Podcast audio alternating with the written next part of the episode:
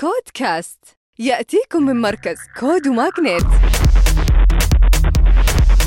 مع طارق الجاسم. ونبدأ في نشرتنا الأسبوعية. في البداية أحب أبارك لطرود الجولة الاستثمارية وعلى فكرة هم مستضافين الآن في مركز كود الرئيسي. الخبر يقول طرود لإدارة شحنات المتاجر يغلقون جولتهم الأولى بقيمة 5 ملايين ريال بقيادة إمباكت 46 ومشاركة هلا فينتشرز وسيدرا. انطلقت المنصة هذا العام سعيا لتوفير حل شامل يمكن التجار من الوصول لقاعدة كبيرة من خدمات الشحن وإدارتها من خلال واجهة واحدة.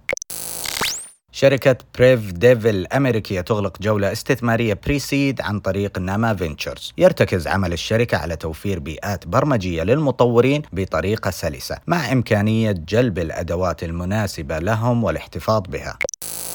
وأيضا منجم تطوير الأعمال يطلق صندوقه الثاني لبناء الشركات الناشئة اللي هو BIM Investment 2 بقيمة 120 مليون ريال سعودي. بيركز استراتيجية الصندوق على بناء الشركات الناشئة جنبا إلى جنب مع مؤسسيها ابتداء من تشكيل الأفكار وحتى الانطلاق في السوق.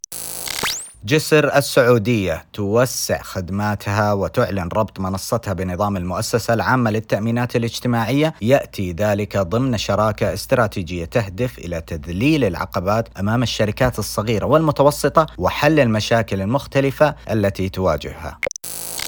وأخيرا كلين تغلق جولة استثمارية seed قدرها 7.5 مليون ريال بمشاركة Plus VC و Riyadh Angels. انطلقت الشركة نهاية العام الماضي سعيا لرقمنه قطاع المغاسل في السعودية من خلال توفيرها لحلول تقنية مختلفة لمقدمي الخدمة.